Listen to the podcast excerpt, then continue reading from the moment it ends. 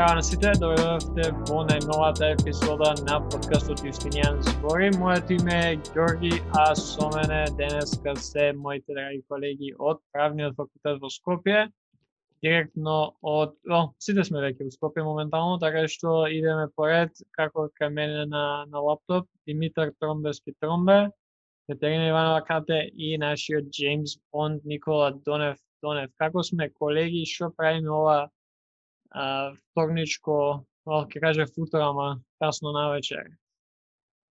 Па добро, веќе касно е, малци ни се спие. Тоест, ми се спие, да се изборам за мене. Ама добро е, we'll manage. Јас сум, јас сум искрено за тоа да си легнам. Не би било лошо. Боже, со какви пензионери си имам работа. Кате. Кате, Мислам, до сега решавав крстословки, не можам многу да кажам, ама мислам, барем не заспивам да типо. е, кога стана збор за спиење, да, малце чудно е. Поготово дека, нели, треба ние баш да бидеме тие што сега да се обајле, ама ајде. А за денеска имавме спремно гостин и се, ама на пет, пет минути до снимање гостинот ни откажа. А, Бор. а, добро, сега нема да Уа, нема- нема да уа. Нема да го cancel, cancelнаме сега, немате вака сега. Ќе треба па да Не, ама ќе го шеймуваме малта. Да, да, не. Ама не, и се извини. И на, и на, и на по телефон и упорака после се извини, као, оке, а, ама темата се уште останува иста, бидејќи мислам дека можеме и ние сами да зборуваме за тоа реално. Ќе поразговараме за досегашното работење на Универзитетското студентско собрание и на факултетските студентски собрание, на кои што еве, ние сме или сме биле дел, Донев ќе биде од дел од новото од новиот состав на УСС, така што мислам дека за тоа може да разговараме, чисто онака што е до сега сработено, зошто може би некои работи не се завршени и како се тоа иде. А, и како што што мислиме за Уиднина, ама пред тоа идеме со нашиот сегмент Хацит Културон. Донев, започни не кажи ни кое за тебе на жешкото столче. Уф, Хацит е е нашата влада со со карантиново, тој со полицијскиот час, кој што некако ми враќа флешбекс во периодот март од преходната година. Е, чекај, Хацит, ако се сеаш, што ќе биде кога ќе ни го... Нели, утре има сед, тоест денеска има седница на, на комисијата за за ова, во Министерството за здравство. Може да ни даат цел, онака убав а, политски час за на викенд, така што ако сега сме до 10, за на викенд може да биде уште полоше, ама ќе видиме ќе видиме што ќе се деси реално. Ама it's not fun. Тромбе, Кате, кај вас кој би ставиле на на на hot seat? Исто така... Hot seat? Ај- Ајде, ајде, Ката, можеш. Исто така владата, ама заради луката уструга, пошто what the fuck другари.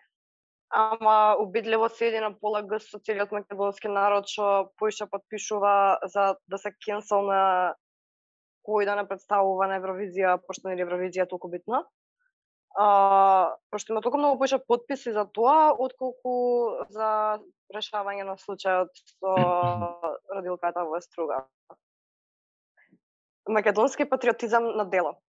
Не, ја ја напишав со Бајлеото вчера, како држава што ова се случува, не заслужува да биде држава и мислам дека е време да се ставиме на дали на Craigslist или на реклама 5 или на купи продај, да си ја продадеме државата да не купи некој протекторат да не направат, то било што, само ова не, како пошто реално, зошто Да се имаме само овце. Па да, да, ама барем нешто да заработиме. реално. До душа, до душа ако прашаш некои луѓе, ние сме веќе продадени. Не, мене, мене беше нај а, интересен, имав коментар кај мене на постот, а, сега ќе најдам у стилот као а, чека се, прејак беше као се смеав, не, не враќав на никој, има луѓе кои што им враќаја на овие у коментари, ама едноставно не можам да вратам и вика, ова вика, значи држава што реагира кога неизиниот национален интерес е загрозен, не заслужува држава, прашал. Па тоа е есенцијата на имање држава. Ние сме толку загрозени, нашиот национален интерес е загрозен, поради тоа што некој има двојно држа- државјанство, што, by the way, нашите закони го дозволуваат тоа. И Ако- општото меѓународно право. Не знам, значи, прејако ми е се ова. И поготово кога ќе споредиш цела ситуација како ти што кажа со случајот со родилката од Струга, кај што докторот си пишал дека што беше родил она е, имало машко дете, оствари родилката родила женско. И не знам, Она не- однела дома женско дете, он пишал дека Да, да, да. Тоа, Машко, дека така машко зove. дете. Е.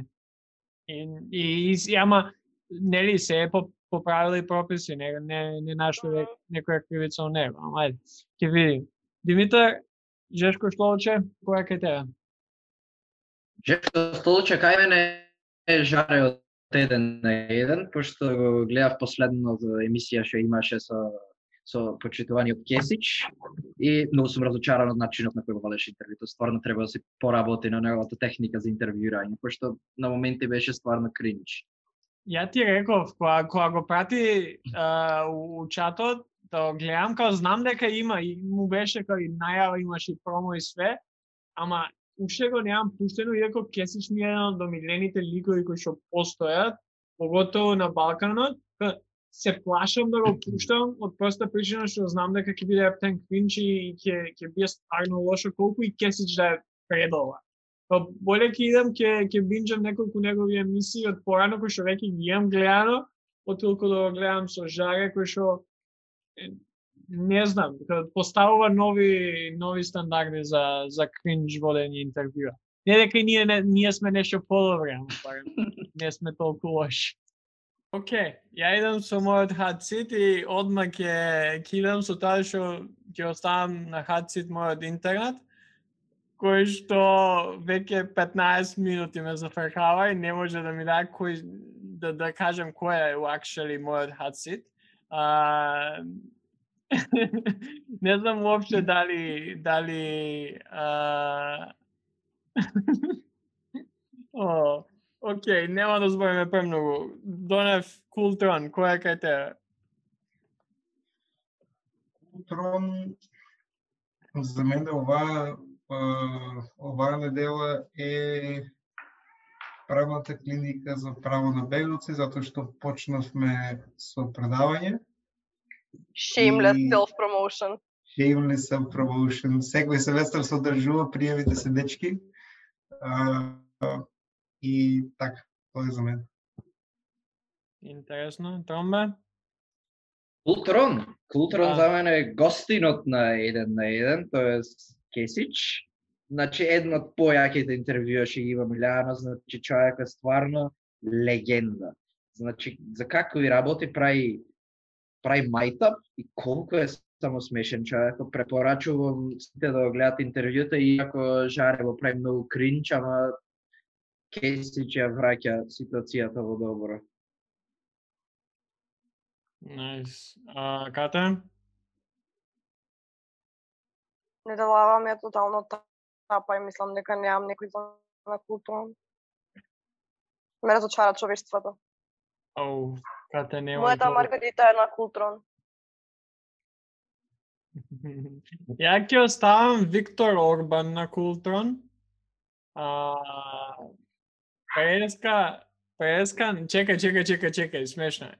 Налетав преска на, на Дали знаете дека Виктор Орбан има свој вебсайт на англиски јазик, каде што то, и тоа е као prime буквално primeminister.hu и е сте за Виктор Орман, што сакате да знаете, у стилот као го прави relatable и тие ствари ги представува и тоа е најако од целото тоа што нема уопште верзија на унгарски, туку е само на англиски јазик сајтот, бидејќи нели сега го а, го исклучи, тоест он се замина од од Европската народна партија и сега се представува како оној спасител на Европа да да се представи по-боље светло на Европа и најако а, има има дел кај што става fun facts за Виктор Орбан.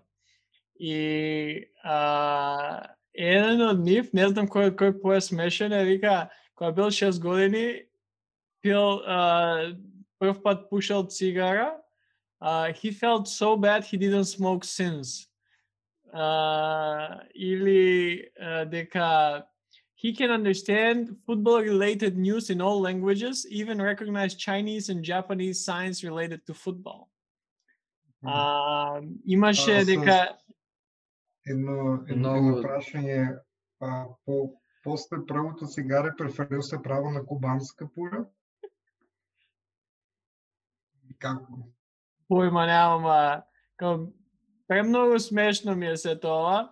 Имаше а, имаше факт дека his favorite movie is Once Upon a Time in the West и го има изгледано 15 пати. Има као глупости, смешки, како ако сакате да се насмеете, идете на primeminister.hu.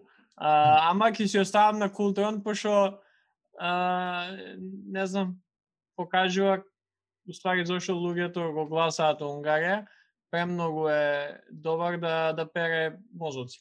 А, и така. Не, ме слушате? Пошто интернетот Да. може пак да зафрка. Топ. А, добро. А, окей. Може сега да се префрлиме на темава. А, Донев, ај ти да ни кае се што се случува моментално, дока е УСС со формирање, бидејќи знам малце целиот процес се одолжи, а, така што дај ни некој апдейт што се случува, па после ќе навлеземе што се случило. Да, иако, иако Радио, Радио Слободна Европа процени дека 63,6% студенти не ги знаат а, студентските лидери, а сепак во моментално киме во процес на, на конституирање на своето универзитетско студентско собрание, што значи сите 23 факултети испраќаат по двајца представници во, во УСС, а, и идејата е дека тоа ќе биде формирано следна недела, кога ќе има конститутивна седница, со тоа, со тоа што е реално многу доцна за формирање на Оно УСС од објективен аспект, затоа што активностите едноставно нема време за доследно планирање на многу активности и проекти, но затоа но затоа мандатот ќе трае до следниот март. А, и може би тоа договлечување на конституирање на ново студентско собрание не треба да е пракса, треба да е многу порано, уште во декември преходната година. Но како и да е, работиме со тоа што ни што ни се дава и прво е конституирањето, после тоа се гласа за а, за председател на Универзитетско студентско собрание, или ова што милните популарно го нарекуваат студентски лидер, што е некако реликт од а, од преходната форма на студентско организирање, за добро или за лошо. Моментално моментално само тоа знаеме. Најверојатно ќе при конституирањето ќе ќе излезат на површина и потенцијалните кандидати за за Добрицевско достоинско собрание. Така што се, над, се надевам дека ќе имаме добри кандидати и кои и да победи ќе ќе продолжи со работата која што се започна преходната година. Сакаме жена председател од оваа година. Еве, кате баш ќе видиме дали ќе видиш као Нострадамус дека ќе предвидиш жена председател, ама а, за колку? Валјда, валјда за месец дена ќе знаеме дали кате погодила. А, прашање ја имам до Донев. Донев, зошто се одолжи? Као, сега го постојат причини, зошто толку се одолговлекува целиот процес? Знае да лани ако беше проблемот со тоа што факултетските студентски собранија за прв пат се формираат па дека се соберат, па дека се организира све, дека се напишат статути и тие 300 глупости, што е сега проблемот и дали е COVID related?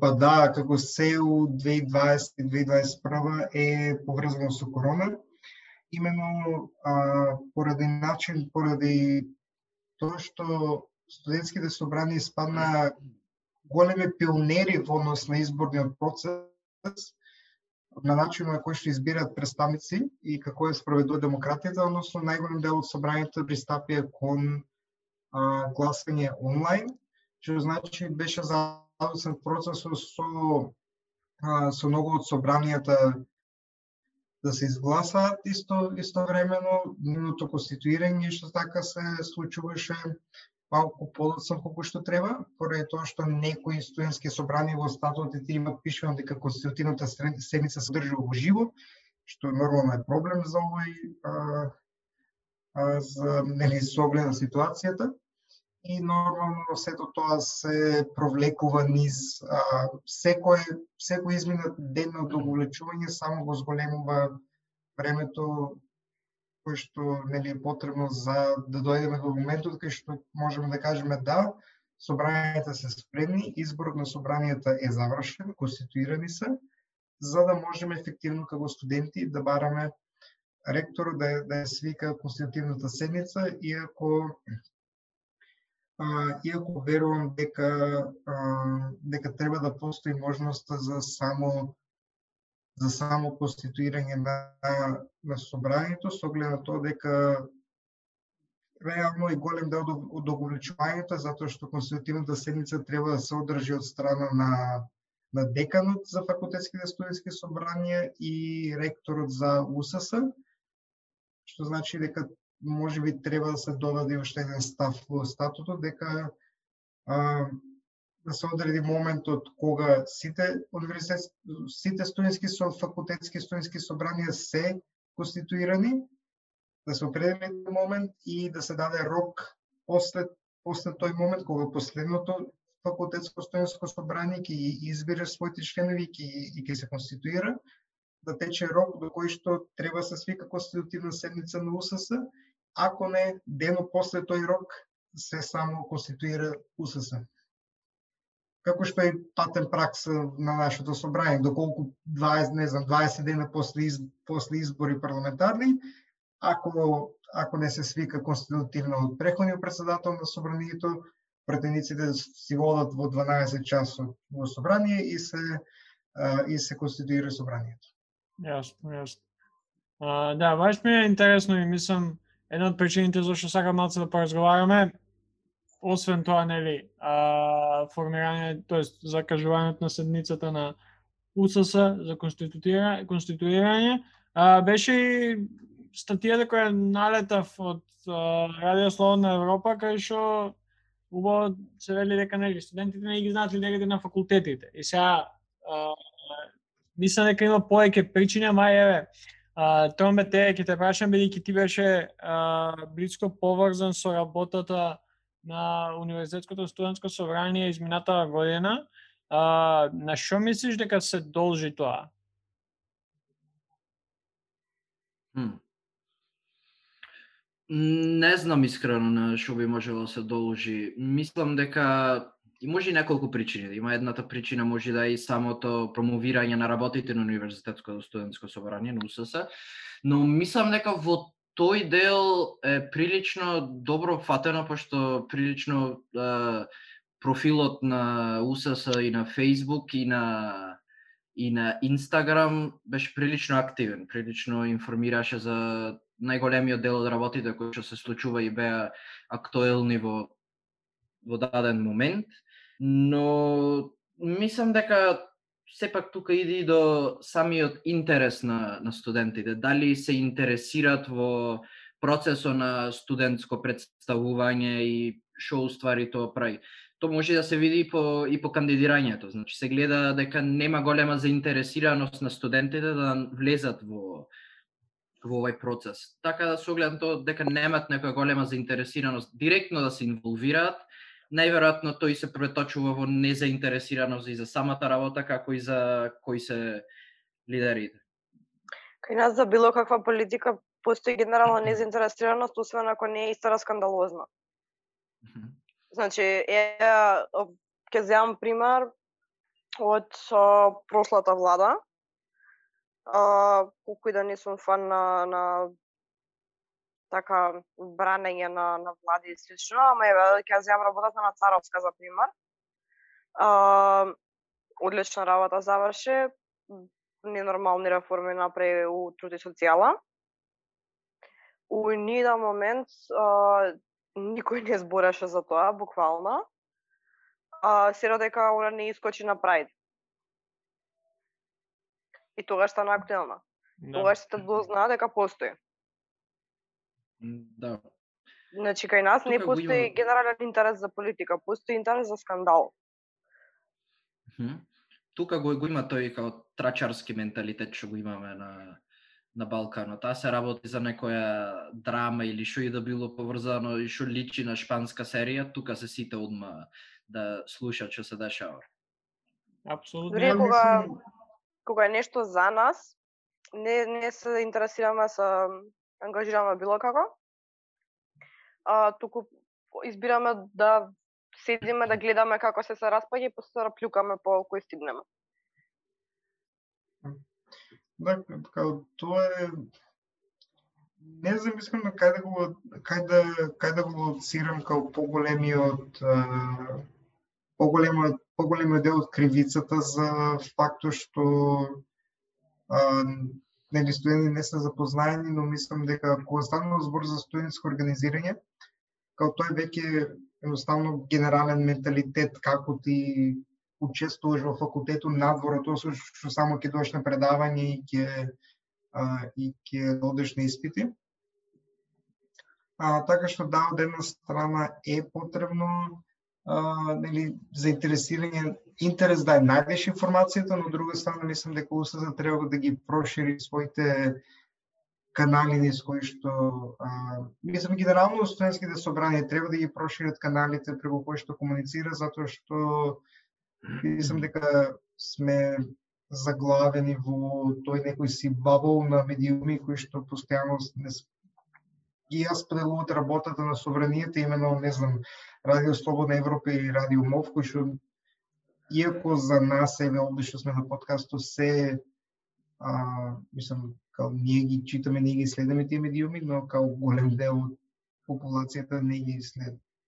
Јас Да, тука тука ќе се согласам со Донев. Да, сигурно голем фактор е за а, информираноста на студентите како за лидерите, така и за самата работа и медиумите. Да, стварно имаше прилично пардон, прилично добра покриено за работата на УСС од Радио Мофи од Слободна Европа, но да, ретко кој ги слуша поготово од младите. Мислам дека тука треба малце да имат поголема одговорност мейнстрим медиумите кои што се најпознати во државата да информираат за вакви работи. Да, ама тоа што го кажа Катека човек, не е секси да, да збориш за, за студентски прашања или за, за што правиш.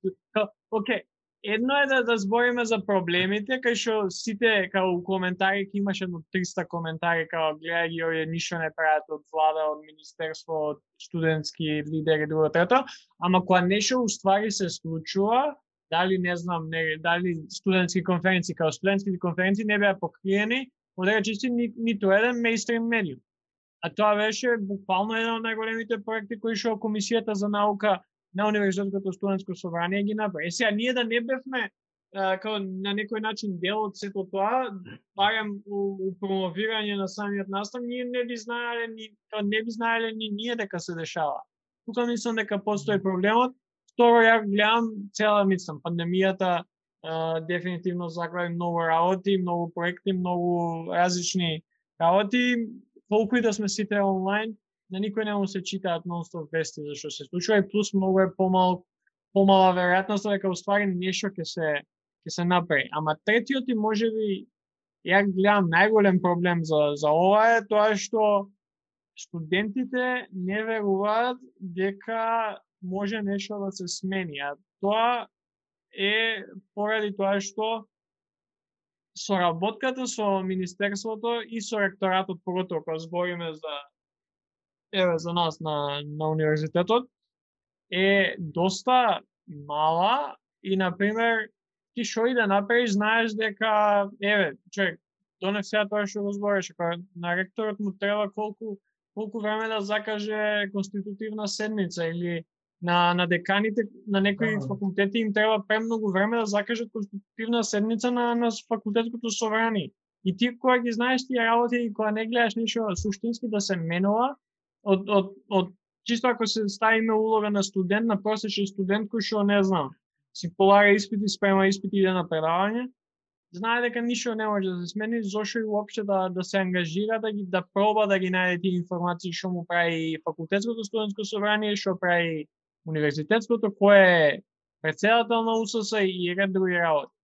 Тука ја гледам, па Некојаш, као на YouTube ми излават оние видео пред а, 6 години, веќе 7, кога а, кога студенти со професори на панели, на, посебно на нашиот кампус, као разговарат за нели за радикалните промени што а, радикалните промени што треба да се случи науки им таа целата надеж околу тогашниот студентски пленум, професорски пленум кој што беше активен, кој што кој што беше некако во процес на реобмислување на на универзитетот, каде е местото на во во државата, каков треба да биде за тоа време закон за високо образование, а, нели како како треба да изгледа уки во наредната деценија, но мислам дека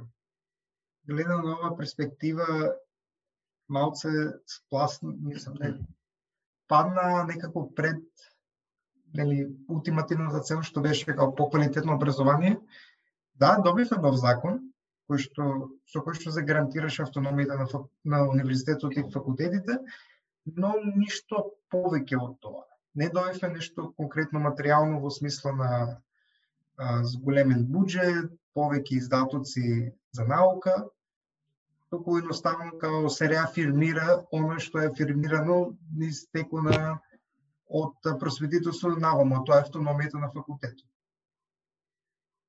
да, Така што може би, може би Добро, може би сега не е моментот, но дефинитивно во првиот можен момент кога сите ќе се вакцинираме да повторно се покренат тие тие прашања за каде е местото на универзитетот. Да, ама мислам за такво некое прашање, моментумот е доста важен, а ние веќе го имаме изгубено тој еден моментум, кај што сега што и да сакаш да направиш, то ние као мала група на, на студенти ќе биде тоа кои што Да. ќе бараат некоја радикална Види. промена. Види, као точно, точно моментум, моментум, но а, такви такви мом, преломни моменти каде што се отварат такви прашања може лесно да се создадат, само што е потребно многу работа.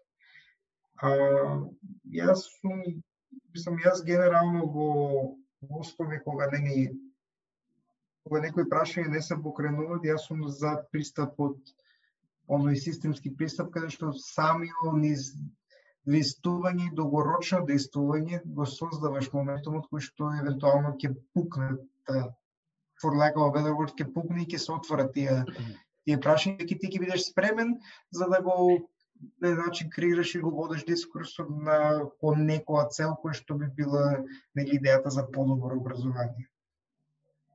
Да. Ама за тоа мислам дека толку и ти да го имаш тој моментум и да е, е, еве крај крај да го добиеме дали уопште има дали уопште имаме подршка од самата академска заедница. Тоа е проблем. Ако кога мислиме на ректор, кога мислиме на, на декани, на, на професори, кога да, некои професори те подржуваат и све тоа, ама кога оние од, од озгоре као гледаат да да си да, да си ги задржат удобните фотели и да си се тепаат за кој да биде ректор, а уствари ништо суштински не се менува после тоа. Јас имам, јас генерално имам само еден коментар за тоа. Никој не е вечен. Така да така да мислам дека поправо ако го постави прашање кој поправо ќе замине дали ние или тие над нас, Ние први заминуваме. Па да, реално. Как ние имаме уште една-две години, на уште три години максимум на факултет, после дали мислиш дека некој од нашата генерација ќе остане да се бори да Да, колку може но, уопште да се бори. да, но, но нашата, на нашата работа е одговорност е кон генерациите кои што доаѓаат. Апсолутно, ама ние не можеме да гарантираме за ставовите или за поставеноста на кон сите овие проблематики на идните генерации, да ние можеме да поставиме некоја нека основа, нека база, некоја тло за да можат они да да продужат, нели? Ама сепак останува на нив Па и дали ќе сакаат. И, и ако гледаме, ако гледаме е, од кај нас на факултет, кандидатури за прва година за УФСС, колку беа? 4-5. Сите влегоа, бидејќи немаше доволно кандидат. Не, многу...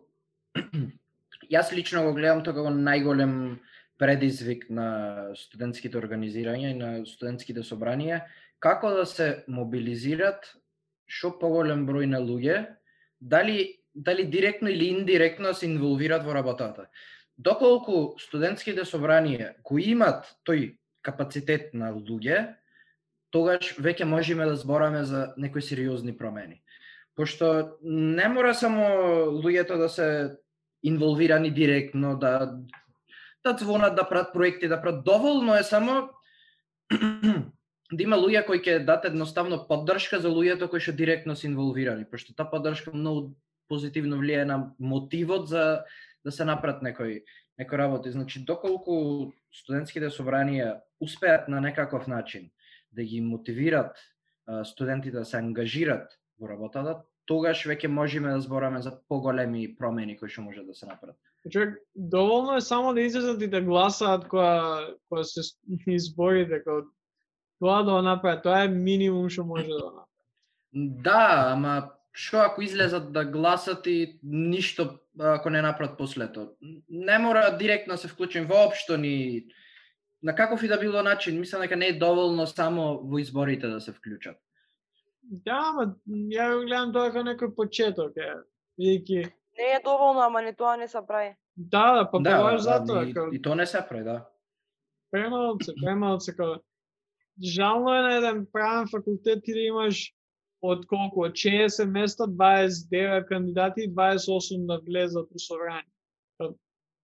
Ај, може би премногу места се од самиот старт, ама и пак, кога имаш таа опција, искористи ја, као, уклучи се, а не после да ти доја некој да те а, да те напаѓа, е дека ние ние вршиме премногу добра работа, као сите имаме своји мани и проблеми и се тоа.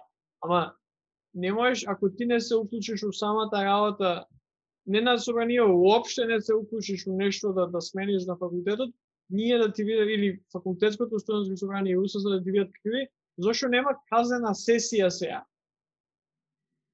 Буквално. Да. Мм.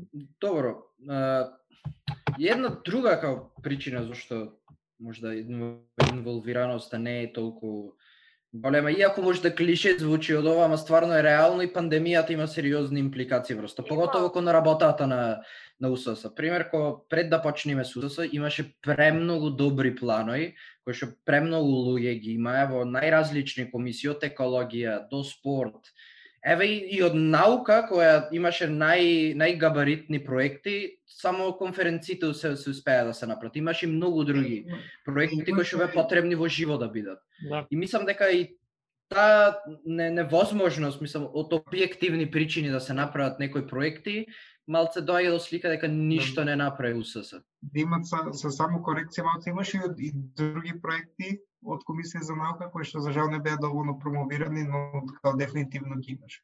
Не, не, не, не, да, да, да, ги имаше како најкулминацијата беше со конференциите, ама имаше и многу други саеми како и да било што имаше имаше во план, значи имав присуствувано на многу состаноци на комисијата за наука, имаше стварно многу интересни планови и не се направија. Еве пример еден план кој што ради пандемијата не можеше да се реализира е младинскиот културен центар Мгм. да немаше да немаше пандемија, комотно ќе можеше да се реконструира а, старото диско направен факултет и да се направи еден многу солиден младински а, студентски културен центар каде што ќе можат студентите да се дружат и да прават најразлични активности, не само активности, проекти, иницијативи некакви кои што се од интерес за студенти. Да се дружат крај крајава, било што да имаме ги, ги укочи. и да. самата мотивација падна, да мислам. било, тоа ќе беше многу убава промена. И мотивацијата на Мгм. сите падна не само на вклучените во УСС, туку на генерално студентите за било што.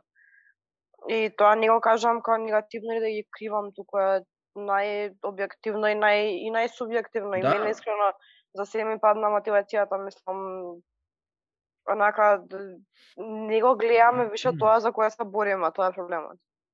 Да. Ама еве и да се и да се клајме во кожата на луѓето кои што беа во раководството на на УСС. Значи ти се кандидираше за да направиш нешто и од нигде никаде прв пат ти е тебе ваква работа да правиш, доаѓа пандемија која што апсолутно ти ги променува начините на функционирање на се во светот и сега ти, ти треба 23-4 годишен човек да се проба да некако нешто да направи со оваа ситуација.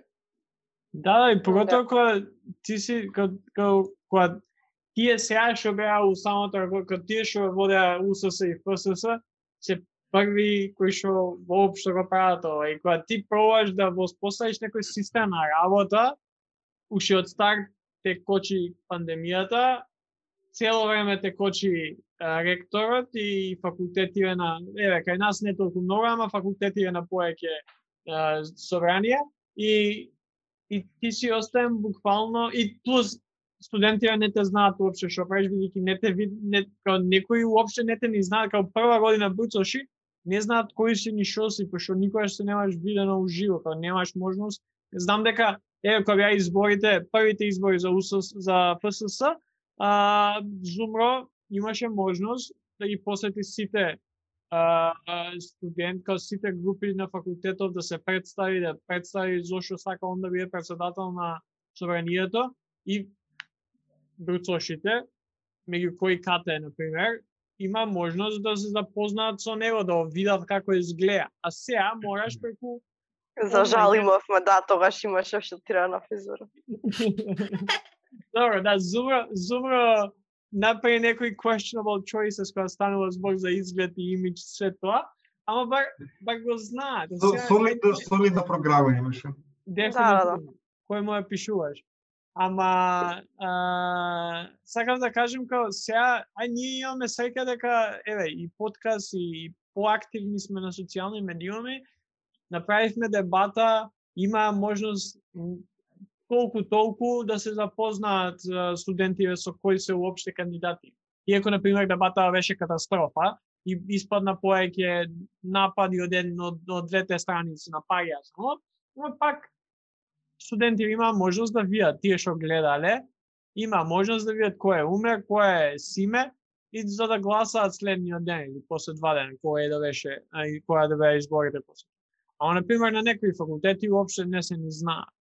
И тука гледам апсолутно голема голема а, една од причините зашто например вака би било кој што би било. Инаку не, кога ја например, кога започнувавме со со собранијава, ја уопште не мисле дека вакво нешто ќе се деси кога имаш 300 различни идеи што ви правеле, како ви правеле. Иако мислам дека на некој начин пандемијата добро ни дојде на нас од авангарда, тоа тоест на на подкаст еве, бидејќи не мислам дека би можеле толку многу да направиме ако немаше пандемија. Та- таа страна е окей, ама дури сега, баш тоа го зборевме пред некој ден, као, тоа беше супер во почеток, ама за да идеме повеќе мора да да, да да да гледаме и уживо и да да гледаме некои нови работи кои што би ги би ги вметнале у село.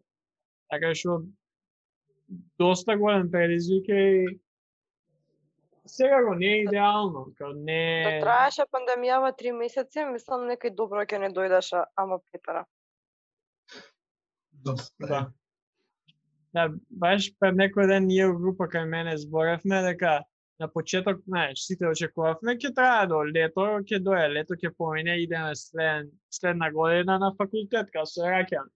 Ама и текнува прво предавање со професор Дамјановски и професор Пиван И збориме така и вика, ова ќе трае уште некоја година, две, сигурно ние ќе биеме онлайн. И сите бевме као чека, нема шанса да се деси као. Не, не, не, не забавај сега, че ќе трае ова до лето и после и сега уште сме уште сме онлайн професорот управо. беше.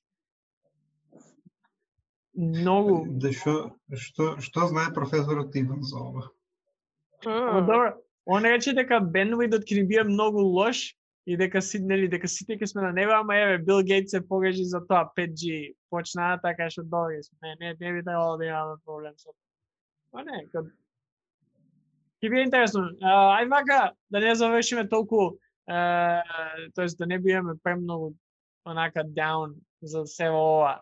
А, што очекуваме од следната година? Као, еве, кате ти не си член на ФСС, ама си дел од некој од комисиите, ну, сепак си а, околу, ако не директно уклучен. Да. Донев, еве, ти ќе бидеш дел од УСС, Томбе, ја и ти сме дел од ФСС. Што очекуваме од следната година? Тоест од годината сега што е пред нас? Не знам, искрено имам многу повисока надеж некако, пошто не е прв пат. Повисока објективна надеж. Прошлата година имав една еуфорична надеж, као онака бев исхајпана скроз. Сега сум многу поладна глава гледам дека објективно гледано не ни е онака не ни е прв пат, не да ме слепи ова. Знаеме од прилика што не чека барам. Па мислам дека можеме многу да научиме од грешките од прошлата година од искуството.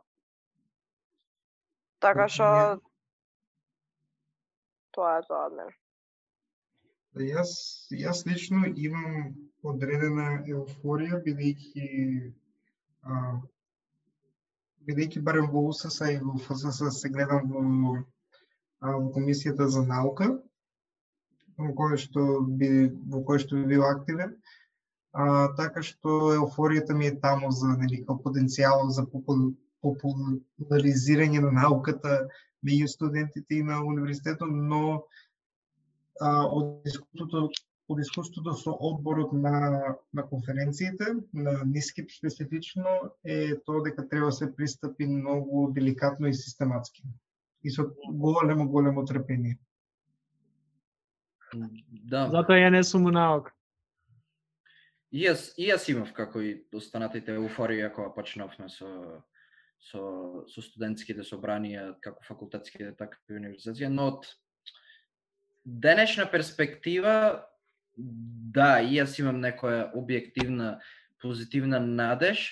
Мислам, имам имам огромна надеж во луѓето кои што ќе бидат инфо, инволвирани, во студентите. Знам дека ќе дадат се од себе за да реализираат тоа што сметаат дека е добро за за студентите. Имам доверба во луѓе, но едно нешто во што немам доверба е, во некои работи од кои што не зависат од кои што не зависат од студентските активисти вклучените во процесот. Тоа е од некои работи кои што зависат од држава, од какви да било државни институции. Пошто знам кога јас заедно со Боро кога работевме на некои работи, колку и да сакавме некои работи да ги направиме, едноставно немаш иста таква заинтересираност за решавање на некои проблеми од страна на државата и други институции. Така да тука не сакам да си дам некоја лажна лажна надежда дека ќе се направи ова и ова, пошто не зависи се само од студентските представници. Многу работи зависат и од трети лица како државата и универзитетот и кои било други кои што не секогаш имат ја имат саканата соработка со со УСС и ФСС. Да.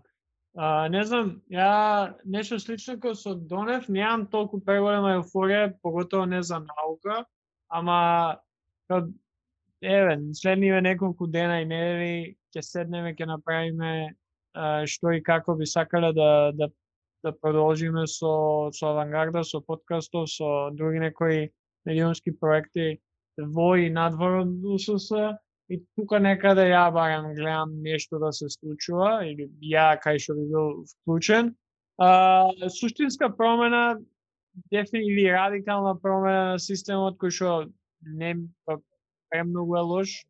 а, не гледам, барем не додека ние да завршиме а, со факултет. А, ќе треба многу време и а, не верувам дека постои некоја критична маса во моментот, а, доволно голема тоа да направи, а и плюс не гледам заинтересираност такво нешто да се направи од самата а, од, од ректорат, од, дек, од деканати, од, од професори, не гледам доволно голема заинтересираност за да се седне и да се направи actually нешто поеќе. А, суштински. Мислам дека Има, имаме, Георги, кажеш, има, има, иако, иако не практикувам да цитирам луѓе од овој калибар, Милтон Фридман има една една изрека која што вика дека а, кога кога е криза и кога треба свето обново да се реомисли, се реомислува преку идеите кои што се расфрлани наоколу. Така што мислам дека нашата цел е само да е да ја направиме нашата идеја што поголема, а борбата сега ќе биде долга. Да, ама мислам дека а, ќе налетаме у тој проблем да има проекти да се дешава нешто, ама ништо конкретно, ништо суштински што ќе биде sustainable на поголем а, временски период. И тука ме плаши тоа Добро, као значи, се, значи сега, се, сега ме влече за јазиков, пак ќе кажам. А, во обраќањето за ниски професорката Елена Михајлова кажа многу добро. Студентите се соочени со парадоксален процес на истовремено градење на студентско ефективно студентско движење и организирање во форма на собранијата, но истовремено и а, каде што нели ти ќе изразуваат а, ќе изразуваат нели од тие основните барања за минималните услови, минималните подобрување на тие стандарди студентски, но истовремено и а, но истовремено и спроведување на оно што значи студентски живот на едно повисоко универзитетско ниво. точно, ама корона имаме Никола, да не те Кога да не забориш, кога, кога збориме за студентски живот, студентскиот живот не постои моментално, кога не постои. Предизвикот е уште толку поголем. и, и можноста да, да фейлнеме е уште толку повозможна.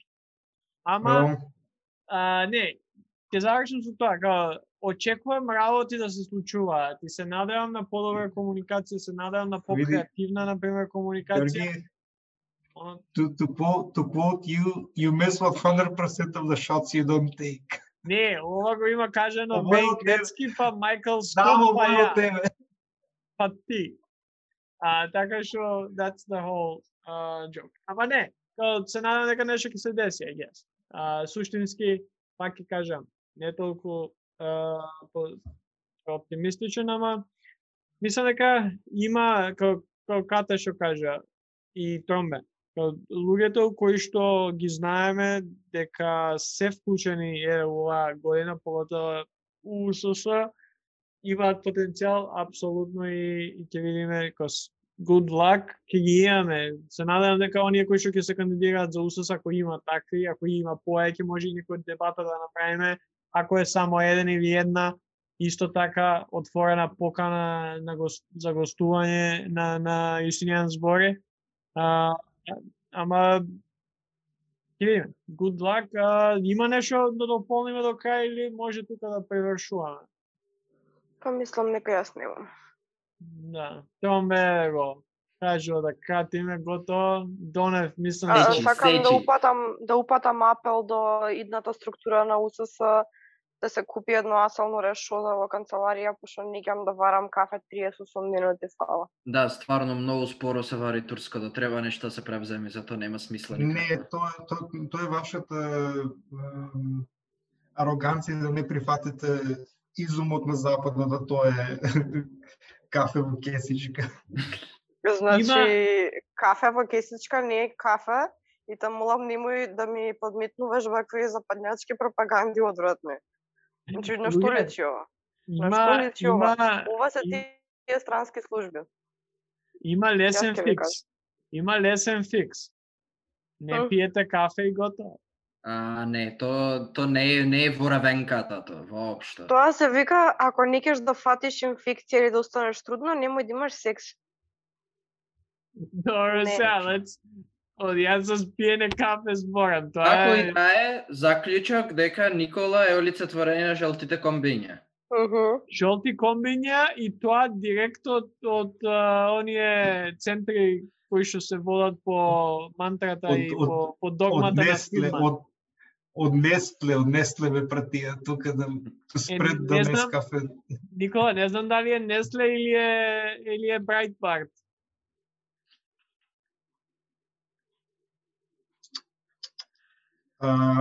Јас сакам овде да најавам дека а, дека престанувам со моите а, инпути за овој подкаст. Мутни го, што- мутни го пред да докажи. Мјутирај го. Цензурирај го, е така. Мислам дека ова е добро место каде ја Ништо, заврши. ништо не кажа Донев, ништо не кажа Донев. Заврши ја, Џоле, што побрзо. Завршиле епизодата. Веќе колку долго време снимаме, мојот интернет издржа до крај. А, па така се слушаме сега у недела со нова епизода и се надеваме следниот гостин или гостинка нема да ни откажат за, за снимање.